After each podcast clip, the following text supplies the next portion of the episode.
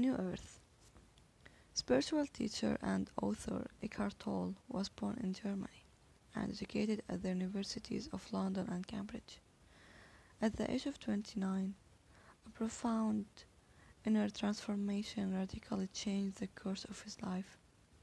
The next few years were devoted to understanding, integrating, and deepening that transformation, which marked the beginning of an intense inward journey.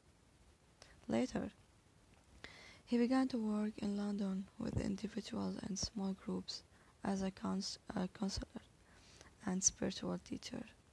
Since 1995, he has lived in Vancouver, Canada. Eckhart Tolle is the author of the first New York Times bestseller, The Power of Now, translated into 33 languages, and the highly acclaimed follow-up, A New Earth, which are widely regarded as two of the most influential spiritual books of our time. Eckhart's profound yet simple teaching have already helped countless people through the, throughout the world find inner peace and greater fulfillment in their lives.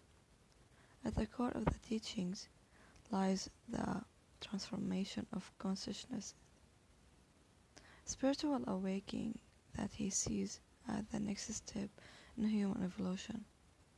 An essential aspect of this awakening consists of transcending our ego-based state of consciousness.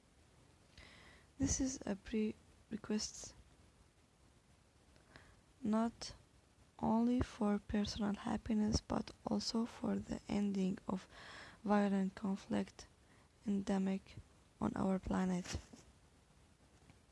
Eckhart is sought after public speaker and teaches and travels extensively throughout the world. Many of his talks, intensives, and retreats are published on CD and DVD. Most of the teachings are given in English, but occasionally Eckhart also gives talks in German and Spanish.